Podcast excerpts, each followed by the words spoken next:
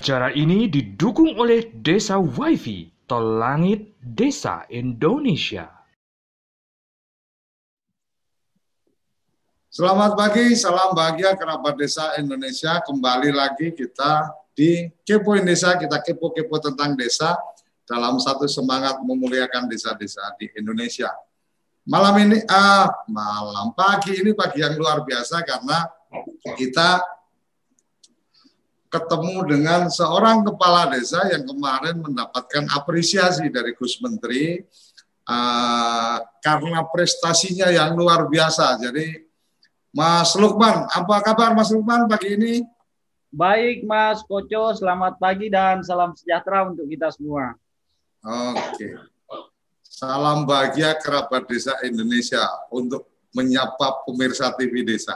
Oke, jadi uh, Mas Lukman, uh, dari informasi yang kami dapatkan dari redaksi ternyata ada prestasi yang luar biasa ini di periode pertama kepemimpinan yang akan berakhir di 2021 ya. Ini berarti ya. tahun kelima ya memimpin desa.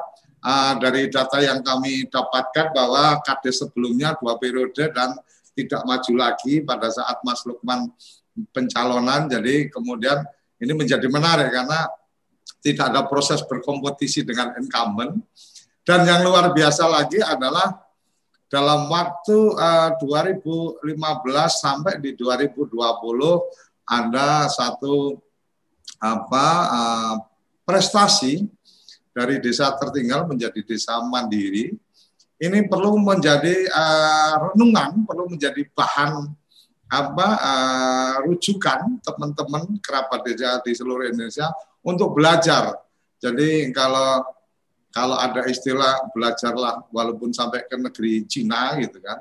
Ini belajarlah teman-teman desa cukup ke Bantaeng aja kan gitu. Eh, nggak perlu harus sampai ke Cina. Apalagi hari ini dengan TV Desa cukup belajarlah di TV Desa karena di TV Desa banyak informasi-informasi inspiratif yang kita akan coba kembangkan. Mas Lukman, yang menarik adalah ketika kemudian desa tertinggal pada saat kemudian Mas Lukman ada di situ. Uh, lanjutannya adalah menjadi desa mandiri. Terobosan apa yang sebenarnya Mas Lukman lakukan sehingga apa dalam waktu yang satu periode belum habis pun sudah men, apa, melakukan sesuatu yang luar biasa. Silakan masukkan.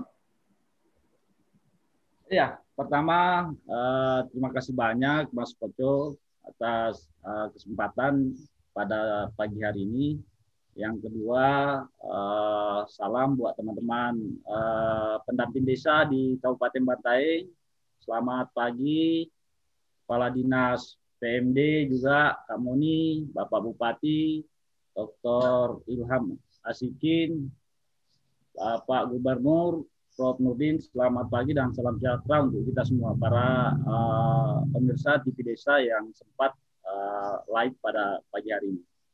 Terima kasih banyak. Sebenarnya apa yang kami lakukan di Patanetiang sebenarnya memanfaatkan sumber daya manusia dan sumber daya yang ada di Patanetiang itu sendiri sebenarnya, Mas. Jadi memang bahwa 2016 kan 2016 2006 kami ada sekitar 10 orang sebenarnya anak-anak muda desa Patanetian yang kemudian kuliah di Makassar. Hmm. Pada saat itu kesepakatan kami bahwa siapa pun yang berpeluang nantinya untuk kembali membangun desa kita sama-sama dukung dan solid untuk memenangkan uh, kompetisi kira-kira seperti itu awalnya. Nah, hmm. di 2015 sebenarnya saya pilihan terakhirnya karena teman-teman lain itu ada yang jadi PNS, ada yang di perusahaan, kemudian ada yang jadi dosen. Kemudian amanah itu diberikan kepada kami oleh masyarakat Patanetiang untuk uh, diamanatkan memimpin desa Patanetiang. Uh, memang betul bahwa 2016 awal tahun kami memimpin desa, desa kami tertinggal, kalau bicara tertinggal di Bantaeng, salah satu desa paling tertinggal pada saat itu adalah desa Patanetiang.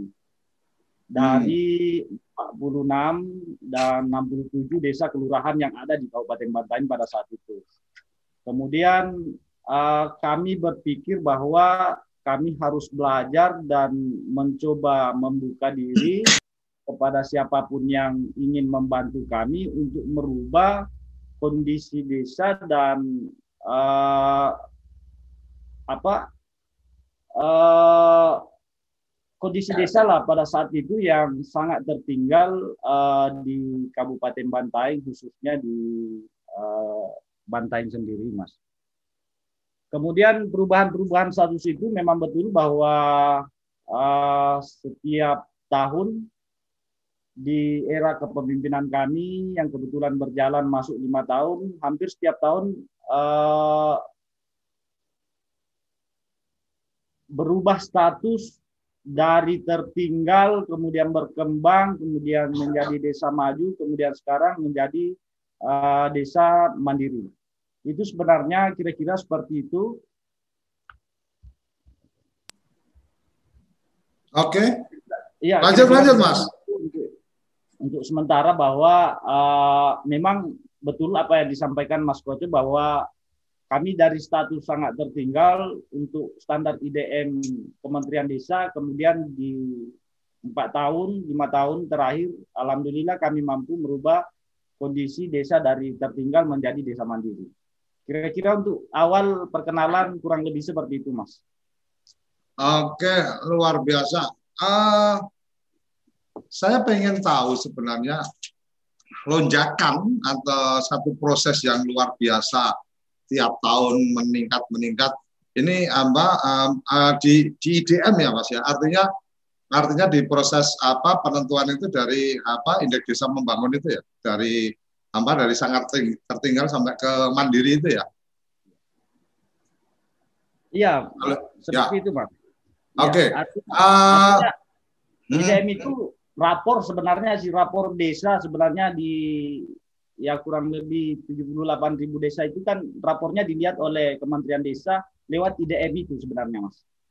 Ya, ini ini bagian yang malam mingguan kemarin sempat kita diskusikan di malam mingguan desa bareng Kementerian Dalam Negeri ada artinya rapornya Kementerian Desa IDM, rapornya Bapenas nanti IPD, Indeks Pembangunan Desa, rapornya rapornya dari Kementerian Dalam Negeri ada Prodeskel kan gitu. Jadi ini ini kenapa tadi saya tanyakan itu karena memang ah, berarti yang di apa yang digunakan apa indikatornya adalah yang tadi disampaikan Mas Lukman Pertanyaannya adalah ketika kemudian lonjakan luar biasa itu, menurut Mas Lukman, itu karena apa? Artinya bagian mana yang kemudian itu membuat apa IDM-nya itu menjadi apa dari sangat tertinggal menjadi mandiri uh, dalam prosesnya?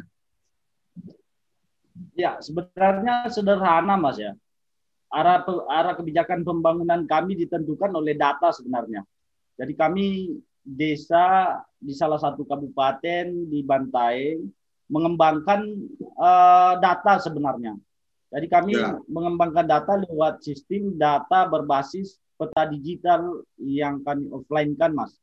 Nah, data itu yang oh. dikembangkan di desa kami di tahun 2018 bekerja sama dengan anak-anak muda dan masyarakat Patanitian secara umum sebenarnya bahwa arah kebijakan dalam menentukan arah kebijakan tahun-tahun selanjutnya itu mesti dilihat apa sih sebenarnya yang dibutuhkan oleh desa sesuai dengan wilayah masing-masing desa itu. Hmm, Oke. Okay. Iya. Di ah. awal hmm.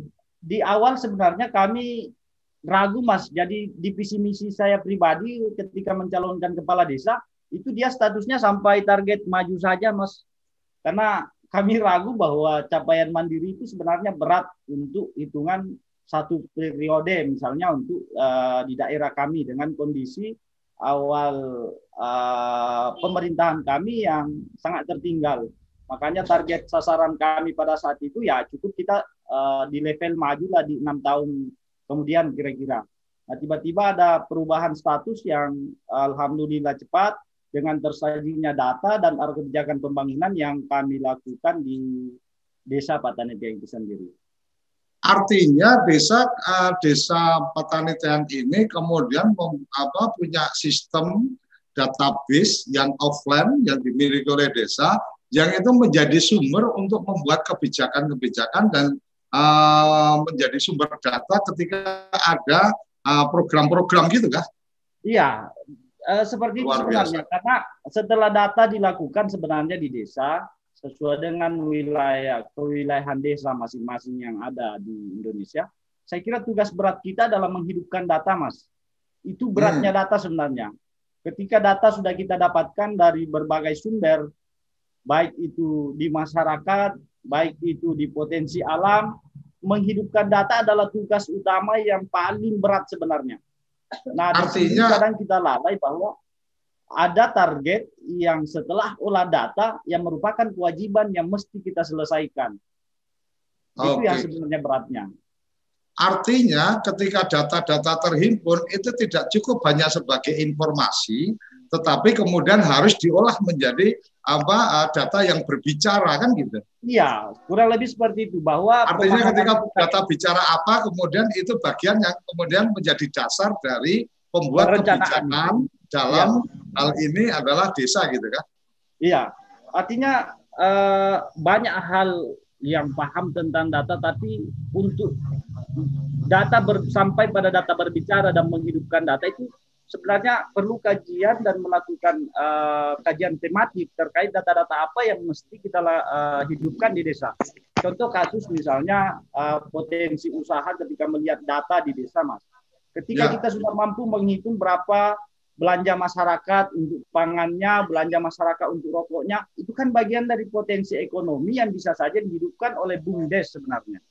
Tapi hmm. kemudian uh, data itu kadang banyak orang pemahamannya sampai pada penyediaan penyediaan tuntutan misalnya kementerian bahwa kementerian butuh data ini mungkin kita perlu uh, bikin sistem atau sajikan sistem seperti ini untuk uh, menyiapkan data-data kebutuhan dari kementerian tanpa memikirkan bahwa jumlah belanja masyarakat di desa itu adalah data dan potensi ekonomi yang bisa saja dihidupkan.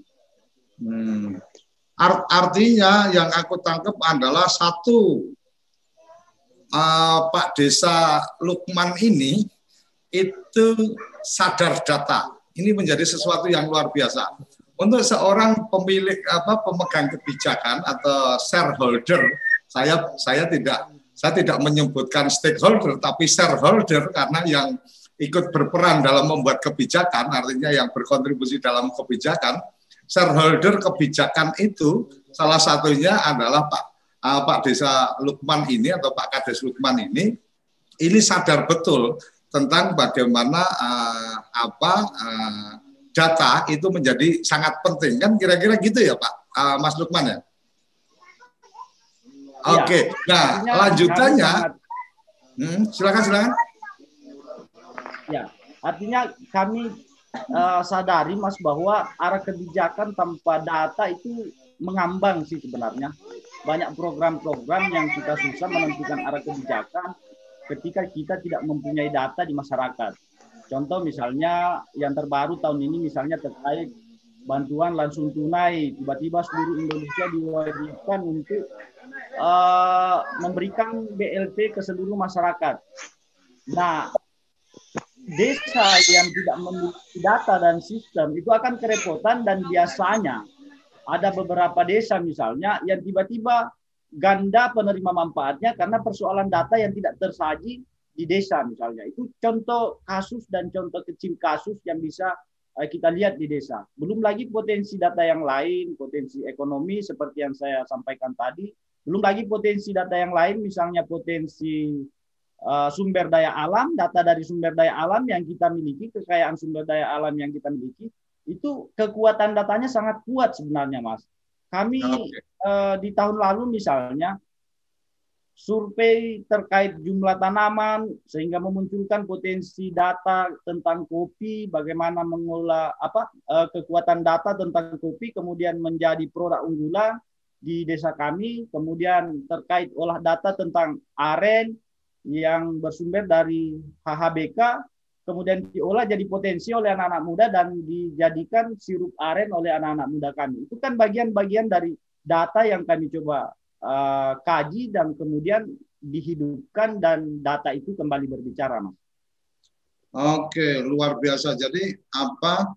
Ini ini yang menurut menurut saya menjadi penting nih kerabat desa bahwa seorang yang punya peran dalam pembuatan kebijakan ini memang harus sadar data.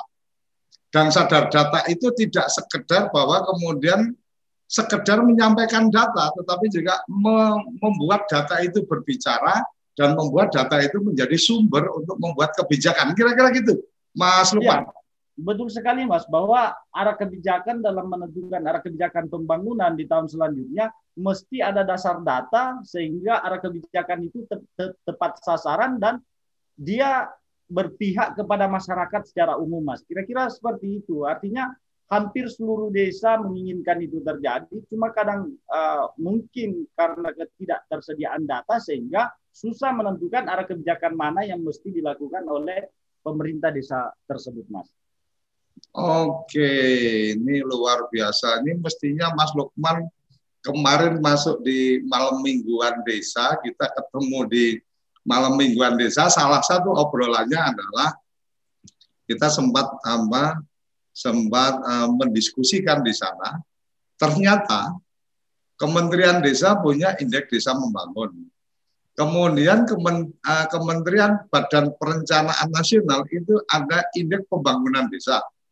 Kemudian di Kementerian Dalam Negeri sudah dari uh, 2005, 2006 itu sudah mengembangkan uh, uh, profil desa kelurahan. Yang kalau kemudian kita cermati, ini semuanya sebenarnya data-data ini bisa ter eh, kalau bisa tersinkron dengan baik, desa cukup membuat apa uh, melakukan updating di salah satunya dan kemudian semua stakeholder di tingkat supra desa dan uh, stakeholder di desa itu cukup mem, apa, memper, uh, menjadikan data yang ada di tempat itu menjadi sumber untuk membuat perencanaan pembangunan ke depan ini sangat luar biasa. Saya melihat di sini ada Pak Andi, uh, ini yang punya kuasa di wilayah Makassar, apa Sulawesi dan sekitarnya.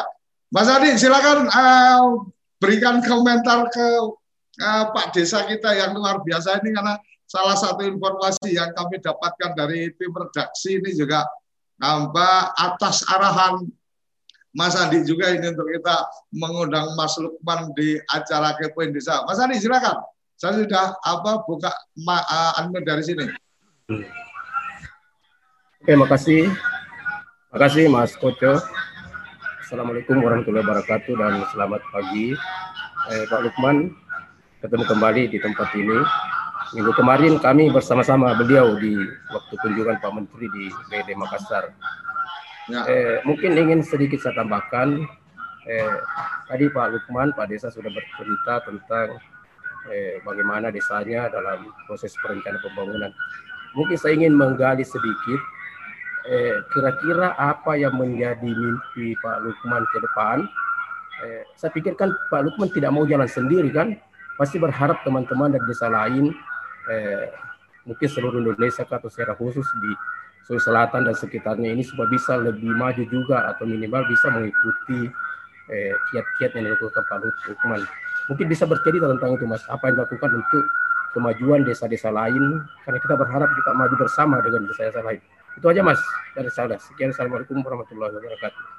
Oke, terima kasih. Jadi uh, Mas Andi, salah satu yang kemudian kita harapkan dari apa mengundang Mas Andi di sini karena ini kita berharap bahwa kerabat desa di seluruh Indonesia bisa menjadikan informasi dari Mas Andi ini sebagai inspirasi. Jadi kalau tadi disampaikan uh, data tidak sekedar informasi, maka uh, eh, TV Desa menggelar apa program pagi kita ke poin desa ini kita juga sebenarnya tidak hanya sekedar ingin memberikan informasi tapi informasi ini bisa menjadikan inspirasi untuk kemudian loh kalau di apa uh, desanya Mas Lukman ini bisa seperti itu dengan kondisi mungkin dengan kondisi oh desa saya juga tidak lebih buruk atau tidak lebih tertinggal atau uh, tidak lebih terbatas infrastrukturnya daripada desanya Mas Lukman harusnya bisa dong minimal sama dengan apa yang dilakukan Mas Lukman kan kira-kira gitu. Mas Lukman mungkin uh, supaya ini benar-benar jadi informasi yang inspiratif Mas Lukman boleh deh berbagi berbagi tampilan uh, sebenarnya data yang ada itu seperti apa karena yang saya tangkap uh, informasi adalah servernya ada di desa dan itu masih offline artinya memang tidak di online kan atau tidak dipublish karena memang ada bagian-bagian data yang mesti kemudian perlu tim berikutnya untuk kemudian membuat leveling mungkin ya Mas Lukman ya leveling bahwa oh data yang ini publik boleh mengakses. Oh data yang ini mungkin hanya uh, kasih KOR yang boleh mengakses. Oh data yang ini semua artinya keseluruhan data mungkin kepala desa sama kepala BPD bisa mengakses dan seterusnya ada ada leveling hak akses yang suka tidak suka memang itu apa perlu persiapan khusus atau perlu pembiayaan khusus dan uh, saya sepakat jangan pernah sendiri harus bisa bersama-sama. Setidaknya ada Mas Andi yang dari apa Kementerian Desa udah ketahuan. Nanti kita coba koneksikan juga dengan teman-teman di Kementerian Dalam Negeri, mungkin dengan eh, teman-teman dari Bappenas sehingga ini bisa jadi model. Ini loh sebenarnya kalau teman-teman juga sudah punya sistem database, sebenarnya uh, pola yang dibangun Mas Andi ini juga ada bagian-bagian yang bisa kalau bahasa bahasa bahasa IT-nya itu bisa host to host, bisa terkoneksi. Data-data tertentu itu ketika dilakukan update offline maka kemudian bisa terkoneksi di online di leveling di tingkat atasnya. Kira-kira gitu ya Mas Lukman ya. Tapi uh, sebelum Mas Lukman berbagi informasi tentang data-data atau apa tampilan di offline dari apa uh, database-nya Mas Lukman, aku pengen ngerti Mas Lukman ini umur berapa? Sekarang 30 Mas. Wah, 30 ini masih apa uh, apa masih sangat luar biasa. Jadi pantas cara berpikirnya udah cara berpikir milenial gitu kan. Yang kayak saya sama Mas Adi ini mungkin apa uh, sudah termasuk bagian yang kolonial tapi masih bisa ngikuti cara berpikir milenial gitu ya Mas Adi ya. Kita masih bisa ngikutin tapi luar biasa kades muda seperti ini bisa jadi inspirasi ke yang lain. Silakan Mas Andi. Ya. Mas Andi silakan berbagi cerita tentang apa uh, aplikasinya atau mungkin akan ditampilkan juga boleh atau kemudian idenya bermula dari mana kemudian mungkin kalau memang ada keterlibatan teman-teman pendamping mungkin teman-teman pendamping desa juga bisa belajar dari apa uh, bukan belajar mungkin bisa berbagi informasi uh, mencari informasi dari teman-teman pendamping di desanya Mas Lukman sehingga ini bisa kita duplikasi hal-hal yang bagus harus diduplikasi di banyak tempat sehingga percepatan memuliakan desa eh, jadi lebih apa uh, lebih laju. Kira-kira gitu ya Mas Andi ya? Ya. Ya, ya. ya. Saya kira silakan silakan Mas Lukman. Ya. sepenuhnya buat Mas Lukman. Ya terima kasih banyak. Saya kira apa yang disampaikan tadi bahwa tujuan kita semua adalah memuliakan desa di seluruh Indonesia dan kami menjadi salah satu bagian itu. Kemudian eh, terkait data yang kami jelaskan tadi bagaimana mengolah data, sebenarnya ini aplikasinya sederhana, Mas. Sederhana hmm. gimana bahwa kami menggunakan sebuah aplikasi yang uh, bernama Quantum JIS sebenarnya. Jadi Quantum JIS ini kami uh, bangun di desa untuk menjadi pangkalan data desa. Jadi di Quantum JIS ini semua data yang kami olah bersama anak-anak muda dan masyarakat desa kemudian bisa kita uh, kombinasikan dan koneksikan dengan uh, aplikasi yang sangat sederhana ini. Uh, yang kami lakukan pertama hanya membangun sumber daya manusia di desa, bagaimana paham terkait aplikasi ini, kemudian melakukan pembelajaran pada program SD sekolah desa kami yang uh, ada di Desa Patanetiang. Jadi apa yang tampak di layar uh, Bapak Ibu sekalian bahwa ini salah satu contoh misalnya kondisi BLT, BPNT, BST, non sasaran PKH dan PNS misalnya yang ada di Desa Patanetiang. Nah, sasaran BLT ini yang sementara terbuka sekarang, kemudian kita coba lihat sasaran uh, yang lain BPNT misalnya yang warna hijau itu adalah BPNT, yang warna merah itu adalah BLT, kemudian non sasaran itu yang warna hitam. Ini non sasaran, dia nampak jelas dan kami uh, yakin bahwa tidak satupun pemanfaat bantuan misalnya di desa yang uh, tidak ganda, ya, eh, apa yang yang ganda. Jadi uh, arah kebijakan ketika menentukan arah kebijakan terkait bantuan langsung di tahun 2020 saat pandemi terjadi, ini kita lakukan uh, model seperti ini untuk melihat masyarakat dalam satu desa. Kami melakukan verifikasi kurang lebih 20 menit dalam musyawarah bersama uh, BPD untuk menentukan siapa pemanfaat BLT kira-kira di desa Pak Tiang untuk uh, mendapatkan bantuan langsung tunai Eh, pada program BLT di 2021 20 ini terkait pandemi. Nah, lahirlah model seperti ini yang kami kembangkan di uh, Desa Patani Tiang. Di data kami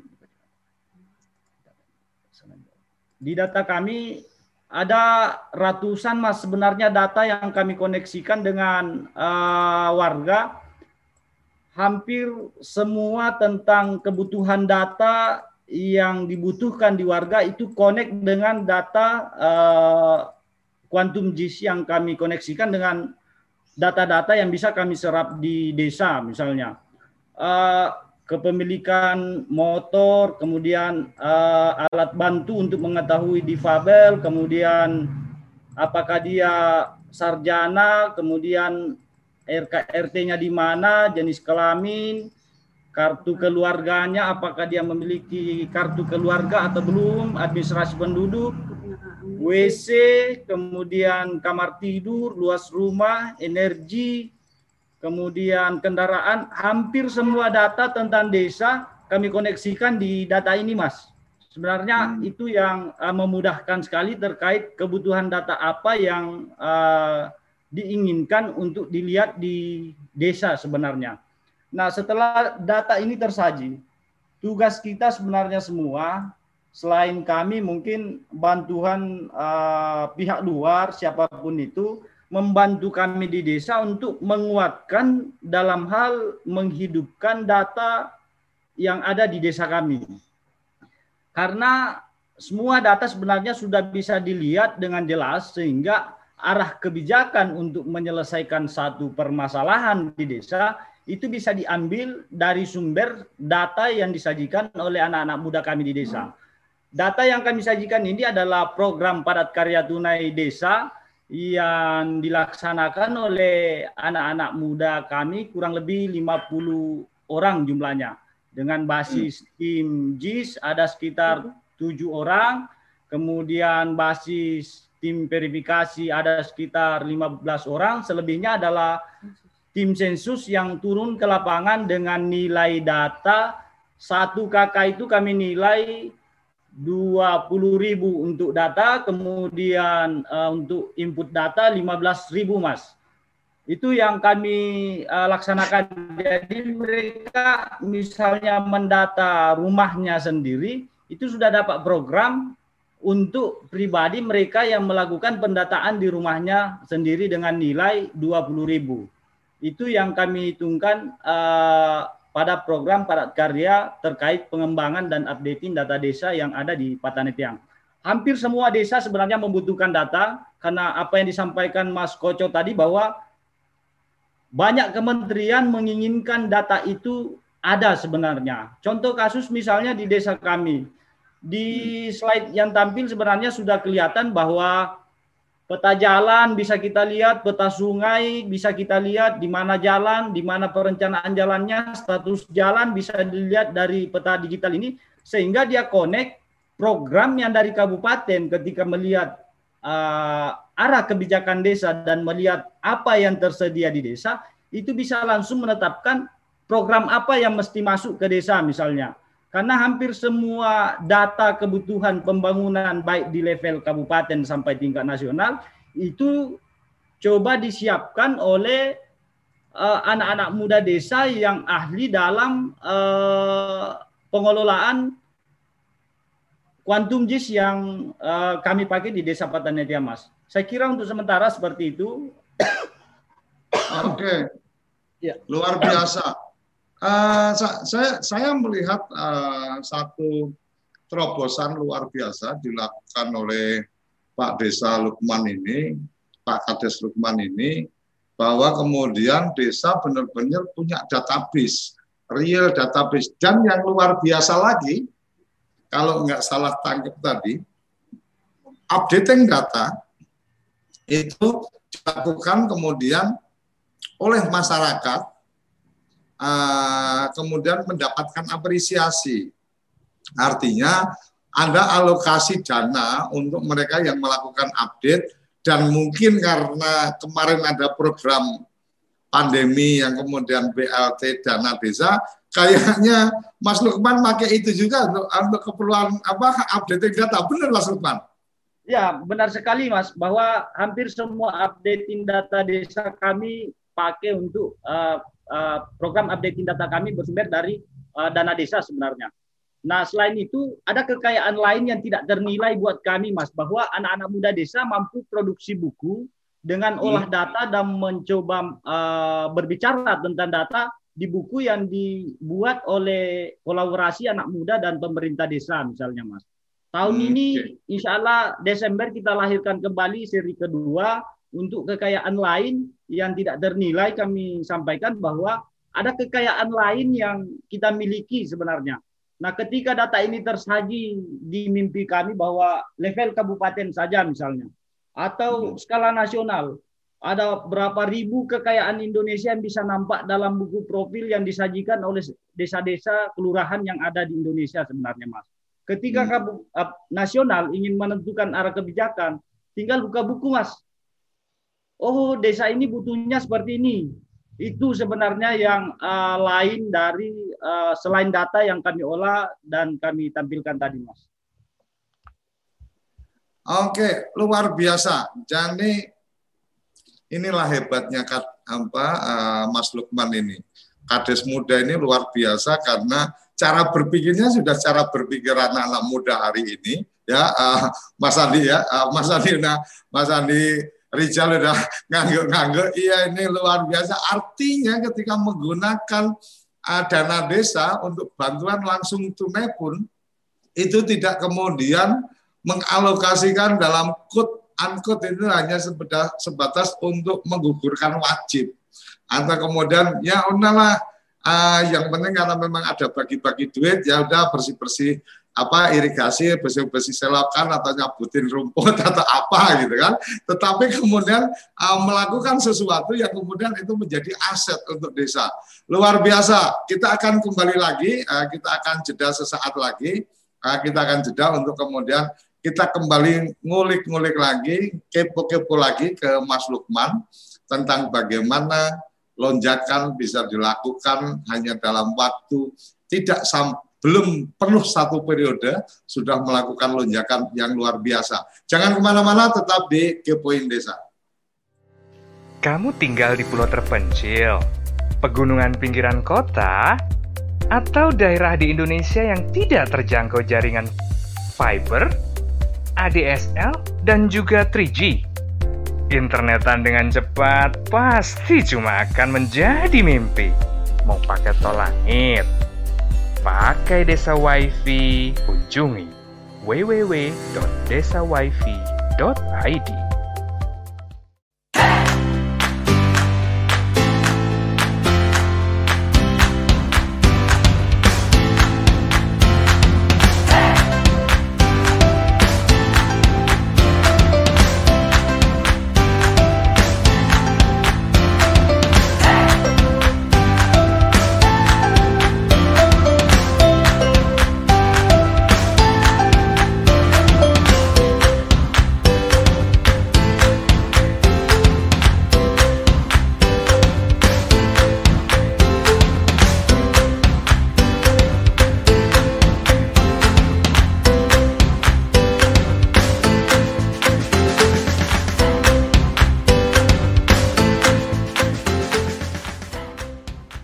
toko IG.id, toko Instagramnya orang Indonesia. Ayo, kandidat kepala daerah, manfaatkan kesempatan ini. TV Desa mengundang Anda bicara desa. 5 menit bisa. Bicara Desa. Sebuah program tayangan monolog, konsep membangun dari desa. Dari kandidat untuk masyarakat. 5 menit bisa. Bicara Desa. Hanya di TV Desa.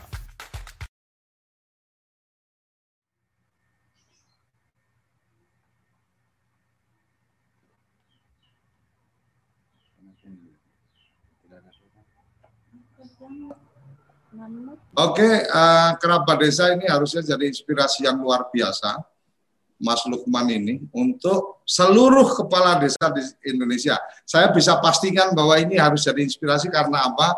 Karena kesadaran data itu menjadi sangat penting. Presiden Jokowi sudah menyampaikan one data, satu data. Sebenarnya itu bagian yang kemudian kita mesti mengimplementasikan. Satu data desa itu ada di mana apakah harus berserakan di 74 ribu desa, ataukah cukup di indeks desa membangun, atau kemudian harus di indeks apa eh, indeks pembangunan desa punyanya Bappenas, atau kemudian ada di satu data di pro, eh, profil desa kelurahan di Kementerian Dalam Negeri. Ini ini menurut saya bagian uh, menarik untuk kita apa diskusikan lebih dalam sebelum saya kembali ke Mas Lukman dan nanti saya akan minta Mas uh, Andi Rijal untuk bisa bicara karena ini di wilayah mama wilayah kekuasaan Mas Andi Rijal saya nggak ama saya harus memberikan ruang cukup untuk menyampaikan. Kita ikuti satu video uh, apa tayangan tentang apa uh, Mas desanya Mas Lukman dengan Gus Menteri. Apresiasi saya terhadap uh, kepala desa dan seluruh warga masyarakat desa. Oh, di situ. Kaki gunung bawa kaki gunung bawa karang itu. Ini buku yang menceritakan perjalanan kemajuan desa Patanetean, Kabupaten Pantai, Provinsi Sulawesi Selatan. Kepala desanya Mas Lukman ini saya percaya dari sangat tertinggal dalam waktu 4 tahun menjadi desa mandiri. Luar biasa, sukses untuk uh, seluruh warga masyarakat desa Katean dan ini saya uh, tanda tangani sebagai wujud uh, apresiasi saya terhadap uh, kepala desa dan seluruh warga masyarakat desa. Oke apresiasi dari Gus Menteri, bukunya ditandatangani. Apresiasi bukan hanya untuk Mas Lukman sebagai kepala desa, tapi kepada seluruh masyarakat desa. Ini luar biasa menurut saya.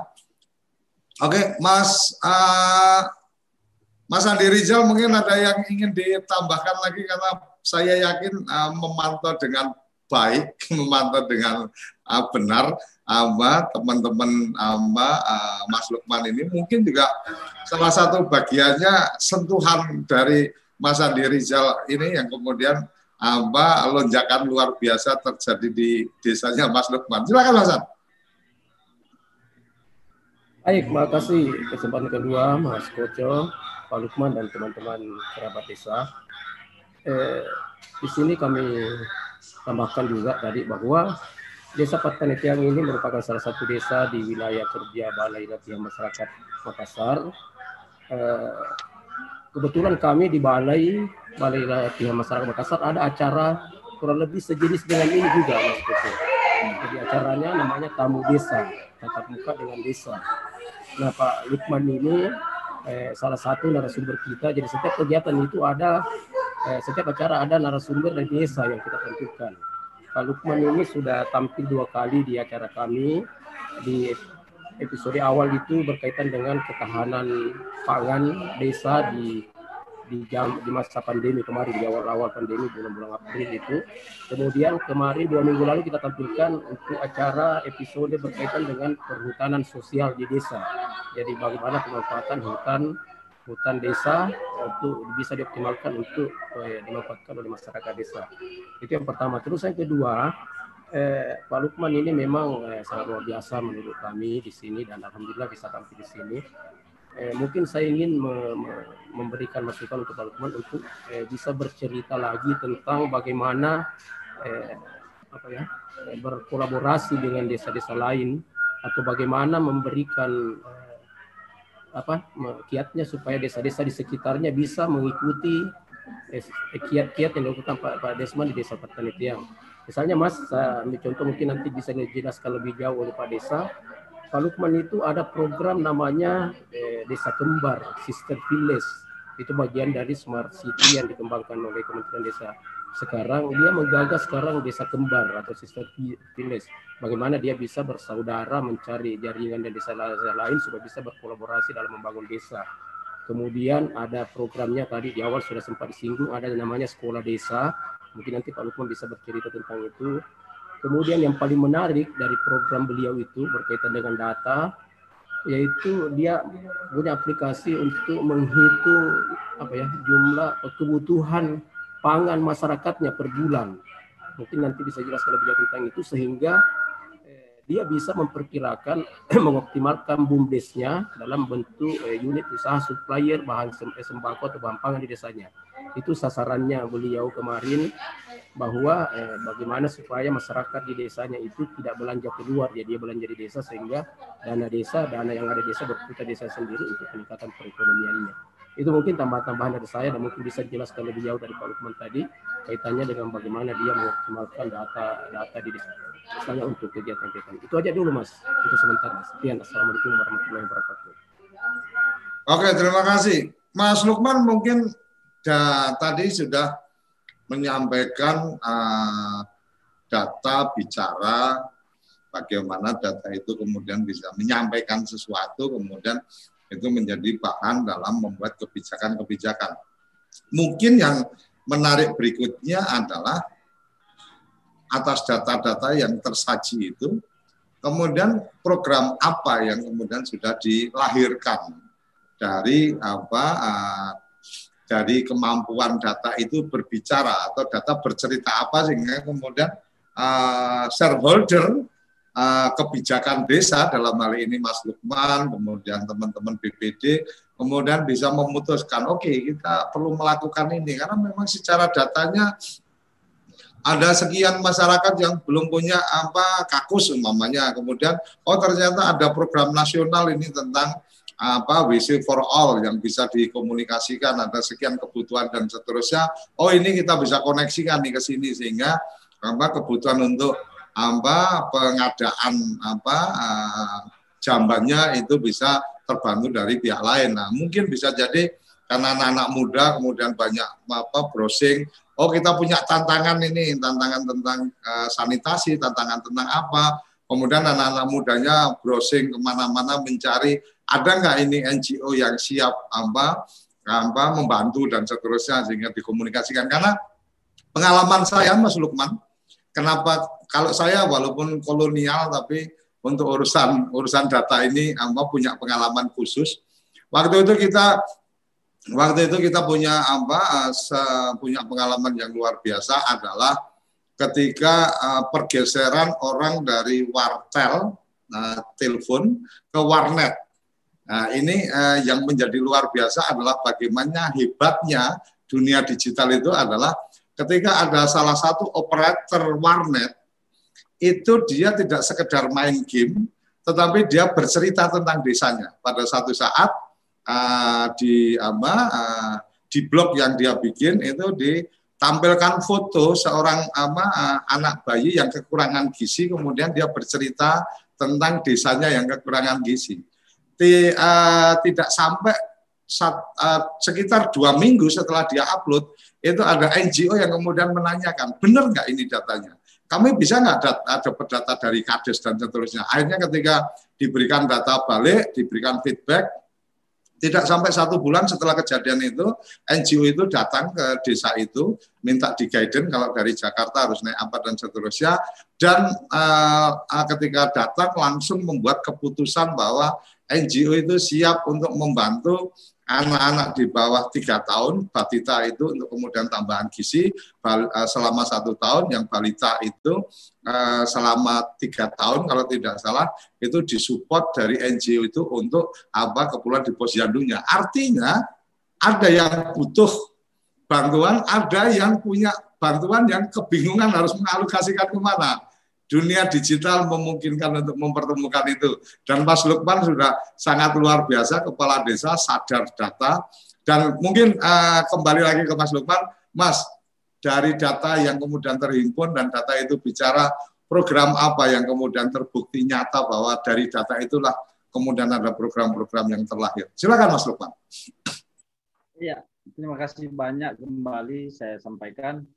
Uh, apa yang disampaikan oleh Mas Koco memang itu hal yang uh, dalam menentukan arah kebijakan pembangunan kami desa selalu menggunakan uh, baseline data sebenarnya. Di 2019 kita sudah melakukan uh, pengadaan obat untuk kebutuhan dasar masyarakat yang non generik sebenarnya. Jadi kita lihat belanja obat masyarakat berapa, kita coba merem belanjanya dari jenis penyakit yang banyak diterita, kemudian kita siapkanlah obat-obat itu yang uh, sifatnya sifatnya umum untuk dijangkau oleh masyarakat yang kebetulan kami paling jauh dari ibu kota kabupaten, Mas. Itu salah satu uh, terkait program yang kami laksanakan di desa. Kami di 2019 kembali uh, masuk pada program uh, eh, STBM Award pada saat itu karena sasaran kami bahwa dalam satu dusun itu tidak ada lagi uh, masalah terkait uh, MCK dengan program penuntasan MCK di satu kampung kampung percontohan pada saat itu di 2019 misalnya. Kemudian uh, melihat potensi sumber daya alam yang kami miliki dari sensus anak-anak muda ada sekitar 1.300 pohon aren yang dikelola itu baru sekitar 20% dari 1.300 pohon aren. Lahir sebuah riset yang dilaksanakan oleh anak-anak muda bekerja sama dengan pemerintah desa yang dihidupkan menjadi unit uh, BUMDes. Dia adalah uh, merubah aren menjadi sirup mas. Jadi kan biasanya aren itu dia jadi gula merah, gula serbuk atau gula apa. Anak-anak muda di desa kami kemudian bikin riset dan melahirkan uh, sirup aren dari data yang diolah dan dari informasi data yang didapatkan dari sumber daya alam yang ada di desa Batanetiang. Kemudian uh, sensus yang dilakukan di uh, potensi tanaman misalnya lahir eh, pemanfaatan kopi dari jumlah 300 329 hektar lahan perhutanan sosial yang ada di Patanetiang. Dari tanaman kopi itu kemudian dilakukan riset mini, anak-anak muda menghasilkan jenis kopi yang masuk kategori specialty, kemudian melakukan kerjasama sekarang dengan teman-teman dongen di Yogyakarta, Mas, untuk uh, distribusi kopi green bean dipasarkan di Yogyakarta. Sebenarnya kami uh, terkendala terkait pandemi yang hampir semua orang merasakan saat ini. Di awal tahun kebijakan kami sebenarnya adalah fokus untuk pengembangan ekonomi BUMDes. Di 2020 ini, BUMDes sebenarnya sudah mendapatkan kontrak dari pihak ketiga untuk uh, pembelian kopi dengan harga 80.000 sampai 100.000 dari petani-petani yang ada di Desa Padanitiang kemudian melakukan uh, kerjasama lewat pintu BUMDes. Itu dilihat semua dari potensi data yang uh, ada di Padanitiang.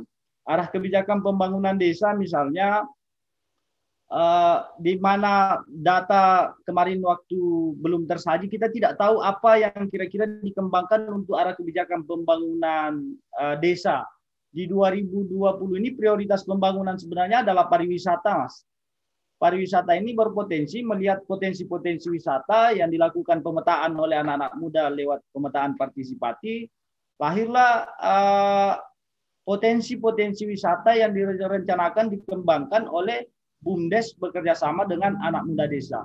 Kemudian ada permasalahan tapal batas antara uh, tapal batas kabupaten pada tahun 2019 itu juga solusinya setelah melakukan pemetaan partisipatif kita lokakaryakan kita dorong untuk melihat bahwa kondisi tapal batas yang uh, sebenarnya menurut masyarakat kedua belah pihak setelah melakukan pemetaan partisipatif, dia batasnya sampai di sini.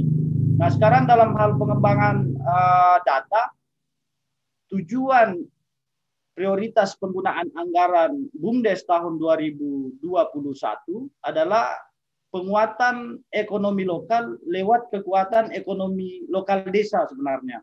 Karena kami juga melakukan uh, riset lewat saudara desa, Mas, dengan program uh, eh, SD sekolah desa itu kami mengajak teman-teman desa yang mau belajar untuk mengembangkan dan menghidupkan data di desa. Salah satu desa di uh, Kabupaten Sinjai namanya Sautanre, kemudian di Kabupaten Bantaeng ada Biang Loe, itu adalah saudara-saudara desa yang kita coba ajak untuk mengembangkan desa berbasis data yang harapan kami mereka jauh lebih bagus dari apa yang kami lakukan dengan model mini riset yang kami lakukan di awal. Itu yang sebenarnya kami harapkan. Bahwa ada teman-teman desa lain yang melakukan percepatan pembangunan dalam hal menentukan arah kebijakan dengan sistem baseline data sebenarnya, Mas. Saya kira mungkin itu apa yang kami lakukan di awal uh, terkait model dalam menghidupkan data. Dan dari data yang kami olah bahwa tujuan uh, ekonomi lokal kami karena efek pandemi 2020 ini kerjasama kekuatan ekonomi dari luar ke dalam desa kami banyak yang gagal karena kami mengandalkan pasar luar misalnya. Sementara hmm. setelah membaca potensi data lebih kuat kekuatan ekonomi dari dalam daripada kekuatan ekonomi dari luar. Nah itu yang dilakukan oleh saudara desa kami dalam hal penguatan ekonomi di tengah pandemi. Saya kira mungkin itu yang sementara bisa saya paparkan terkait metode-metode yang sudah kami lakukan terkait menghidupkan data desa. Di samping itu bahwa akses perencanaan jalan yang dilakukan oleh masyarakat bisa langsung dilihat lewat peta yang kita tampilkan tadi, arah mana rencana yang dilakukan oleh masyarakat untuk menghubungkan dusun A, dusun B, dusun B, dusun C, dusun C, dusun D bisa langsung dibuat oleh anak-anak muda lewat peta digital tadi dan exchange-nya dilaksanakan oleh pemerintah setempat. Saya kira data semakin memudahkan kita ketika menentukan arah kebijakan. Kira-kira seperti itu untuk sementara, Mas. Saya kembalikan ke Mas Kocok. Terima kasih. Mas Lukman, saya uh, saya beberapa kali menyampaikan bahwa kita harus mensyukuri dalam tanda petik pandemi atau apa wabah wabah corona ini karena mungkin saya nggak membayangkan uh, bagaimana Mas Lukman harus meyakinkan teman-teman untuk bicara data, berbicara database, berbicara apa digital ketika nggak ada program uh, nggak ada uh, kejadian luar biasa pandemi satu.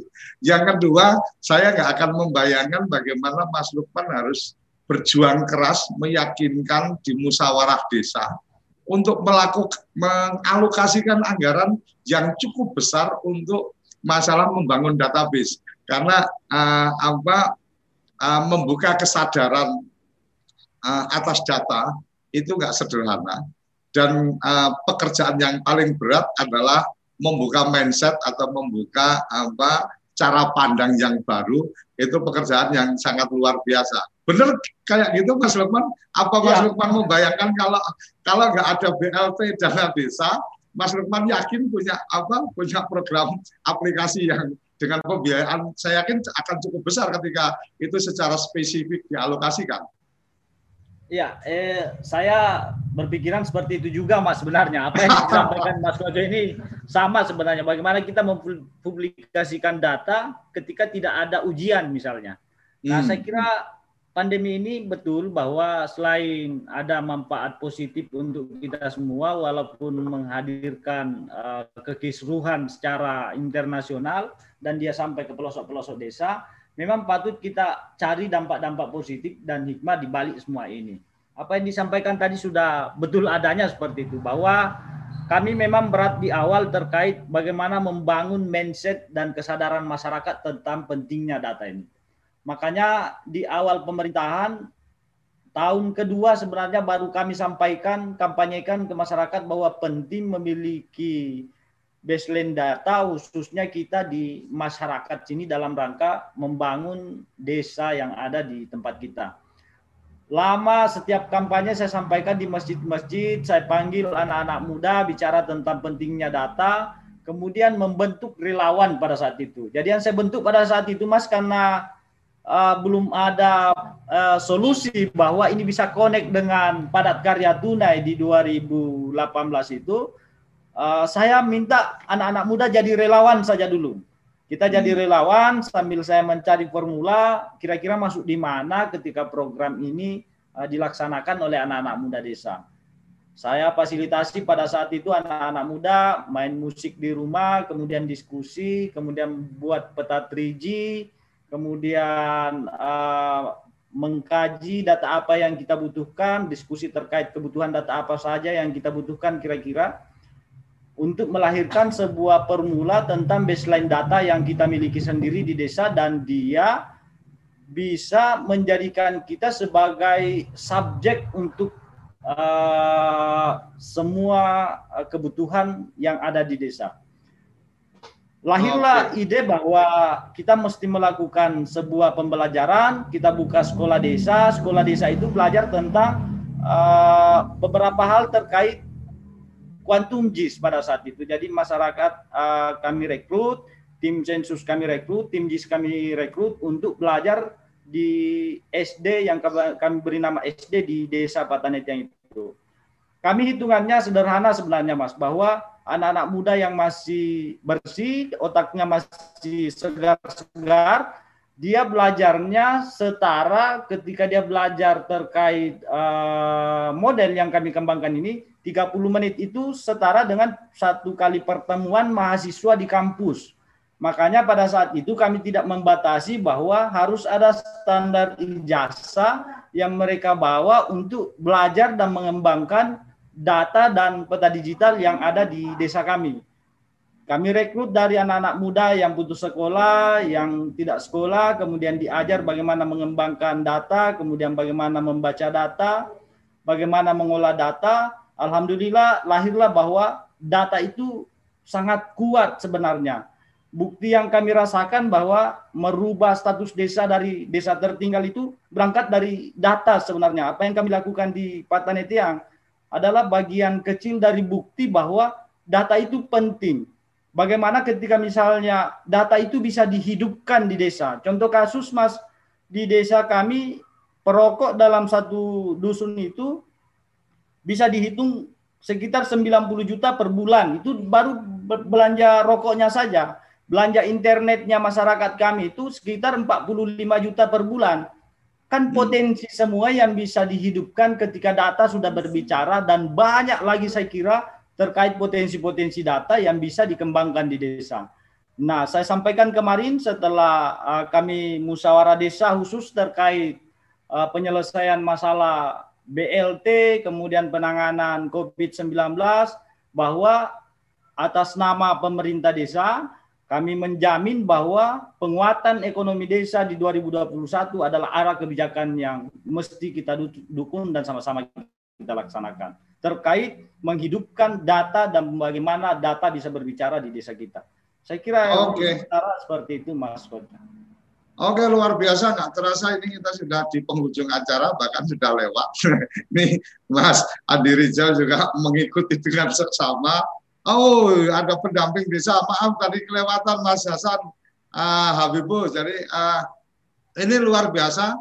Uh, sayang waktu kita terbatas, mungkin kita bisa eksplor lebih lanjut apa di sesi yang lain atau mungkin dengan forum yang lain. Dan ini mungkin Mas Andi Rizal bisa usulkan bisa menjadi salah satu konten di apa kuliah online. Jadi sekolah desa mengedukasi apa mungkin kuliah online bisa mengadop ide-ide yang dijalankan oleh Mas Lukman karena memang sukses story-nya sudah ada. Jadi uh, memberikan edukasi apa uh, mungkin nah, dengan mata beberapa materi mungkin ada edisi spesial eh, edukasi tentang JIS, edukasi apa tentang bagaimana membuat peta, bagaimana membuat kebijakan dan seterusnya. Mungkin Mas Andi Rizal bisa berkoordinasi lebih lanjut di program-program acara dari apa uh, Akademi Desa atau mungkin kita bisa berkolaborasi uh, dengan program-program khusus. Saya pikir itu uh, waktu kita sangat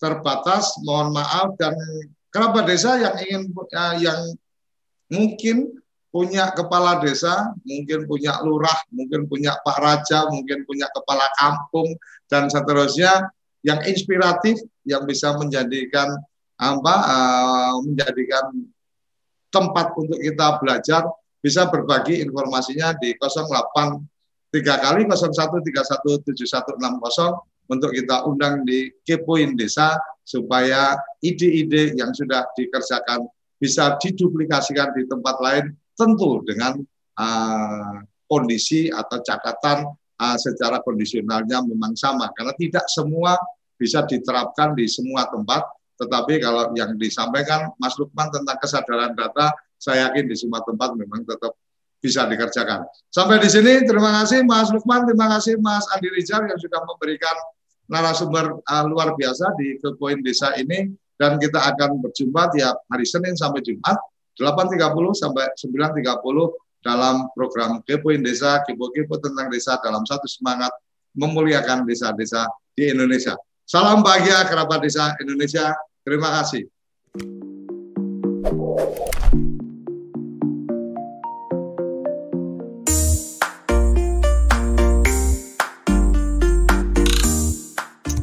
Acara ini didukung oleh Desa Wifi, Tol Langit Desa Indonesia.